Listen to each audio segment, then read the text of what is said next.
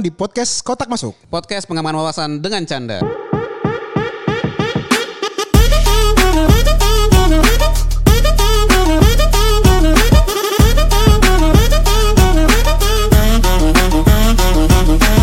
Hola, hola, hola. Halo Bang Moses, halo pendengar setia podcast Kotak Masuk. Gila ya, udah di episode keempat dengan format yang baru. Nanti kayak gue mesti pindah ke pantai nih kayaknya. Nih. Jangan, noise banget nih anjir. Siapa tahu ada ada yang tukang gimbal ya kan deket-deket situ kan. Gila nih kemarin kita ngomongin tentang Spotify ya, tentang laporan keuangan ya. Kita uji coba lagi dong, yang kedua dong. Apa nih Bang? Apa yang pengen lo bahas lagi? Keresahan ke gue adalah kenapa biaya Netflix gue naik anjir. anjir kayak generasi Oh iya, Z banget ya. Gua naik cuy juga tuh. naik naik walaupun dibanding ya sekarang dengan uh, IndiHome atau Telkomsel gitu dibanding dibanding nih sekarang nih nggak tahu gue. jadi gue kalau bayar uh, wifi gue atau tagihan internet gue udah dibanding sama Netflix gue itu lumayan tuh harganya tuh sekarang. Jadi uh, Netflix tuh menurut gue apa kan sebuah solusi ya kalau kita Sabtu kayak gini ya. Jadi agak sulitnya kalau di masa-masa sekarang itu di udah nggak pandemi mau ke mall udah bosen. Makanya kan jadi kan kalau gue ke rumah kan di rumah doang gue biasanya Netflix and chill sama istri gue gue nonton entah anime entah manga tap- dan udah jadi solusi banget lah buat weekend-weekend gak jelas dari dan bosen gitu kan. Makanya gua ketika tagihannya naik gue agak-agak sedih sebenarnya nih sedih bayarnya. Mahal. Tapi mungkin sebenarnya kalau ya apa ya kalau gue ngeliat secara ekonomis lah ya. Mm-mm. Eh, ya dengan Netflix kan lu punya kebebasan untuk eh, nonton film, Yap. terus library filmnya juga banyak gitu. Kalau lu inget nggak tahu ya kalau dulu gua sih modelnya kan sewa DVD kan, Eh, sewa DVD itu kayaknya kalau dibandingin sama Netflix sebenarnya jauh lebih ekonomis eh, Netflix itu. Jadi mungkin mereka ngelihat ah ini gua naikin deh. Tapi sebenarnya satu masalahnya Netflix ya apa banyak orang yang sharing-sharing sharing-sharing user sih itu yang sebenarnya gimana ya kita ngomongnya Enggak tapi secara integritas sih harusnya kan lu memang kalau satu akun ya yang nonton satu nih Iya, iya. cuman kan kadang kita suka oportunis kan Ya kita kan memang negara yang suka melihat peluang ya dan dan, dan tapi juga nggak usah khawatir sih. Dan Netflix juga udah tahu yang ha- hal seperti itu dan menurut gua kayak di semester ini atau di semester depan ini kayak udah nggak bisa lagi tuh. Jadi harus IP yang sama. dia masih coba-coba sih menurut gua Iya, tapi kalau ini eh, potensi ya menurut gua memang lebih benefitnya lebih gede sih dibanding istilahnya komentar pedas eh, netizen ya. Pasti kan orang-orang mulai ngerasa komplain nih. Cuman menurut gua orang yang akhirnya misalnya mereka berlima nih Mm-mm. barengan satu akun pasti tetap minimal satu tetap akan langganan gitu. Nah yang empat yang misalnya ke kick ke kick lah ya istilahnya ke kick minimal pasti ada satu dua yang ah ya udahlah mungkin emang gua kemarin udah terlalu enak nih udahlah gua eh, tetap bayar lah gitu loh. Jadi menurut gua sih ke depan akan lebih fair lah. Dan dulu ingat gak sih lu? Maksudnya gua zaman kuliah ya Mm-mm. banyak orang yang nonton streaming ilegal gitu loh. Nah menurut gua sekarang mungkin masih ada Tapi masih ya masih. kayaknya udah udah, lebih di blok sama Kemeninfo. Iya, udah lebih banyak orang yang akhirnya aware bahwa yang lu lakukan itu sebenarnya juga nggak pas, nggak bener, dan ya akhirnya lu lu bayar. Dan bener, tadi lu ngomong pemerintah kayaknya dapat pajak ya. Kena, Netflix kena. ya? Dia dia bayar pajak sih dan kalau tadi lo berkontribusi terhadap negara juga berarti kan. Betul. Dan kalau lo tadi lo bilang terkait sharing-sharing IP nih kayak kalau anak zaman sekarang mungkin ngelihat laporan keuangan Netflix juga sih anjir gue sih nggak nyangka sih kalau mereka bisa ngeliat Ada gue dapat dari quarterly results ya di Twitter eh, revenue Netflix itu di quarter 2 2023 itu 8,2 miliar US dollar. Oke. Naik 3% year on year nih. Itu IP-nya masih dibagi-bagi. itu naik 3%. Bener bener bener. Gila nggak lu? 8,2 miliar US dollar dan terbesar Anjir. secara area ya nih ya. Satu triliun ya. Nyampe, nyampe 1 triliun. Ya hampir sama kayak Spotify kemarin kan, tapi eh, secara area dia bisa ngeliat nih yang area U- United and Canada, ya, United States and Canada itu 3,6 miliar. Oke. Daerah Eropa atau Europe lah ya, satuan Europe itu 2,6 eh, Amerika Latin 1,1, Asia dan Australia itu 0,9 miliar Saya US dollar. Mencurigai yang ke Asia Pasifik. ya tadi ya, pas sebenarnya penduduknya paling padat dong, ya dong. iya, Iya kan? Ada Cina, India. India. India masuk nggak tuh? Masuk, kan ya? masuk, Cina, masuk. India, Indonesia. Apak, apak, Itu iya kan? tiga negara paling banyak populasinya. Iye, itu paling kecil. Tapi ini gila men, Netflix itu di quarter 2 itu gross profitnya 3,5 miliar men. Jadi dari 8,2 revenue-nya 8,2 miliar, 3,5-nya gross profit nih. Berapa persen tuh berarti marginnya, 43 persen. Gila nggak lo? Pak? Lebih gede dibanding Spotify ya, 20 Iya. persen kan kemarin. Dan dia operating profit. Jadi kan operating profit itu kan kalau dari keuangan dari gross profit dikurangin OPEC ya. OPEC-nya 1,7. Operating profitnya eh, Netflix 1,8 miliar men. US dollar. Oke. Net Enak banget ya. profitnya, net profitnya 1,5 bro. Oh berarti dia mm, nggak pakai utang ya, nggak ada utang ya dia ya? Ah, ada dong, kan ada Dikit. ada interest dia juga, ada interest tuh. Kecil banget tapi interestnya kayaknya tuh. Ya, mungkin mereka jago-jago ya secara finansial. Tapi ada masanya bang Netflix tuh rugi. Ada, ada, ada. Di awal-awal, setahu gua se- se- sebelum pandemi tuh rugi sih Netflix itu sih. Ini anda pasti belajar di sebuah Apa? training kan? Iya betul, saya belajar di sebuah training. Makanya saya bawa topik ini. Di mana gini loh Oh. maksud gua?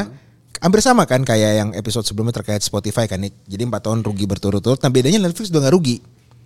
Ya, Nah, ya. kalau sih. kalau ditanya sama nggak eh, bentuk modelnya? Ada yang berbeda menurut gua Nick. Kalau di Netflix, lo dari awal harus bayar. Nggak ada yang gratis di Netflix. Oh, nggak ada free, bukan freemium ya, bukan yang Nggak ada. free, ada premium ya. Langsung Nggak ada. semua harus bayar. Semua harus bayar. Jadi lo kalau main Netflix ya lo harus bayar. Kalau di Spotify yang kemarin kan kita bahas kan, lo dengerin podcast gratis. Lo dengerin lagu gratis tapi ada iklan. Nah itu kan ada ada yang berbeda. Sama-sama eh, kalau di Spotify ngasih choice, Netflix enggak. Dan gilanya men, lo bisa untung ya maksud gue bisa untung segede ini sih dengan ada R&D juga. R&D-nya dia dari OPEX tuh sekitar 0,7 miliar. Marketing ada marketing juga dia nih men. Ada ada promosi lah. Makanya kalau lo lihat ada iklan ya kan. Dulu waktu pas di Lebak Bulus atau di MRT kan ada iklan Netflix yang kayak drama-drama iya. Korea atau Ya. kayak film-film barunya itu ada ada budgetnya juga 0,6 miliar US dollar men. General admin juga ada Kalau 0, dibandingin sama struktur costnya Spotify, Mm-mm. menurut lo sebenarnya eh, Netflix ini memang posturnya costnya efisien Mm-mm. dibandingkan Spotify atau memang revenue-nya Netflix yang memang memang udah gede gitu loh. Hmm, sebenarnya in term of revenue nggak jauh beda. Ya dong. Oke. Kalau Spotify tadi kan kita convert ke rupiah juga ratusan triliun juga kan. Netflix juga sama ratusan triliun juga. Cuman yang membuat beda adalah model di awalnya tadi pas subscriber itu tuh. Jadi kalau gue bilang customer journey-nya udah beda banget. Ya, Jadi ketika kalau menurut gue ya asumsi gue ya, ketika manusia dikasih pilihan gratis dan bayar, ada pilihan nih, ya dia akan pilih gratis terus gratis. dong. Tapi kalau dia gak dikasih pilihan, lo harus bayar. Ya lo bayar gitu loh. iya, iya, iya. Padahal Netflix juga banyak kompetitor ya dan cukup kuat juga loh kompetitornya Iya. Netflix ini. Ya terutama Disney Plus. Disney Plus tuh kalau dari data dia awal 2019 lah ya. Itu cuma 20 juta orang men yang ngedownload Disney Plus. Oke. Netflix 167. 167 juta orang yang download di tahun 2019 ya. Mm-mm. Lo tahu datanya sekarang Disney Plus yang ngedownload di 2023 158 juta men. Oh, Cepet banget nggak? Jadi udah cuma hitungan 4 tahun. ya. Nah, Netflix 233 juta. Nah, bedanya gue nggak bisa ngeliat Disney Plus secara laporan keuangan karena di konsol di Disney Corporation nih. Ya, ya. Jadi dia itu adalah salah satu streamnya dari Disney Corporation atau Disney Group lah. Nah, kalau Netflix kan dia sendirian kan. Kalau anak bahasa sekarang apa sih IP IP-an gitu ya, anjay. Kalau Disney Plus kan punya Star Wars, punya eh, mungkin apa sih kemarin tuh yang dia baru beli Star Wars, Marvels, ya kan? Ya. princess princess itu dia punya semua ya kan dan eh, bedanya sama Netflix dia kan nggak bisa punya IP eh bukan nggak bisa dia nggak beli IP yang udah terkenal lah Oh iya, tapi justru ini ya apa ya tadi ya uh, karena kita bahas Netflix pernah rugi di masanya dan sekarang untung. Dulu kan hmm. tesisnya adalah ya lu harus berkompetisi di uh, sebuah karya gitu loh. Betul. Dan pada saat itu film film-film Disney tuh jauh lebih powerful yes. gitu, dibandingkan dengan uh, Netflix kan. Jadi hmm. uh, ada kekhawatiran bahwa oh strateginya nih mungkin salah nih yeah. untuk kita bikin serial-serial sendiri. Udah gitu juga dia kan film-film yang masuk ke Netflix kan modelnya kan royalti kan lu yes. bayar dan setahu gua tuh bayar di depan deh bukan mm. model dicicil-cicil gitu kan mm. nah ternyata sekarang justru Marvel udah mulai kehabisan menurut gue ya oh, sorry bukan Marvel uh, Disney udah mulai kehabisan kreativitas karena ya dia hanya memonetize film-film dia nih yeah. gitu. sementara Netflix udah ngasilin banyak seri Netflix yang banyak bagus-bagus itu masuk Squid Game dulu kan itu kan iya. booming yeah. tuh dulu Squid Game terus sekarang sih istri gue pasti nonton Korea Korea ya sama ya. di Netflix itu dan menurut gue Disney Plus juga punya masalah yang sama terkait IP ngebagi-bagiin hmm. tadi ya user-user ke teman-teman atau gimana dia kan punya masalah yang sama juga kayak Netflix kan tapi menurut gue dia lebih murah iya Jadi orang mungkin akan lebih terbuka oh lebih murah nih kalau Netflix kan kalau nih dari yang lu kasih ke gue kan Netflix itu per bulannya 11,7 dolar. Yes. Nah, Disney Plus itu 4,4 dolar gitu. Mm -hmm. Jadi hampir sepertiganya gitu. Jadi mungkin kayak orang makin murah, kadang tuh kayak oh ya udah gue bayar aja nih gitu. Mm. Dan mungkin asumsi ya, asumsi gue lagi di Netflix kenapa dia bisa sustain. Kalau menurut gue gue bisa uh, bet. Jadi gue gue megang Netflix nih. Nick. Hmm. Karena dia sekarang udah mulai menggandeng komunitas. Jadi misalnya gini, lo penyuka Jepang nih, gue siapin yeah. deh lo anime yang paling lo suka apa One Piece. Oke okay, One Piece gue buat live actionnya, ya kan. Hmm. Ketika gue buat live actionnya, gue berharap lo nonton juga nih serialnya. Lo ulang lagi tahun-tahun 90-an tuh. Yeah. Terus kemarin dia juga buat Cowboy Bebop. Terus dia semua komunitas Korea, film-film Korea yang gue juga tiba-tiba bisa suka kayak Hellbound. Hellbound tuh drakor tapi yang action gitu loh, Nick. Kalau gue nonton apa Vincenzo tuh Netflix bukan sih? Vincenzo iya Netflix. Jadi dia banyak sekarang menggait-bait komunitas gitu loh. Karena dia tahu nih, oh gue punya uh, kelemahan nih di Disney karena mungkin dia lebih iya, murah kan. Yeah. Tapi tadi ada keterbatasan ide di Disney. Cuma Netflix kan dia bebas. Dia mau beli siapa aja, dia ngeliat komunitasnya dan dia juga dimudahkan juga kan. Misalnya lo mau nonton box office 20-an, eh tahun 2020-an, eh 2000-an, 90-an, 80-an ada semua sekarang di Netflix. Iya, iya. Ya kan? Jadi yang anime-anime jadul juga ada ya. Anime jadul juga ada. One Piece. Yes. Jadi dia punya yang pagar yang gak terlalu kecil ngerti nih. Jadi pagernya dia tuh luas banget karena dia gak punya keter ketersinggungan kan.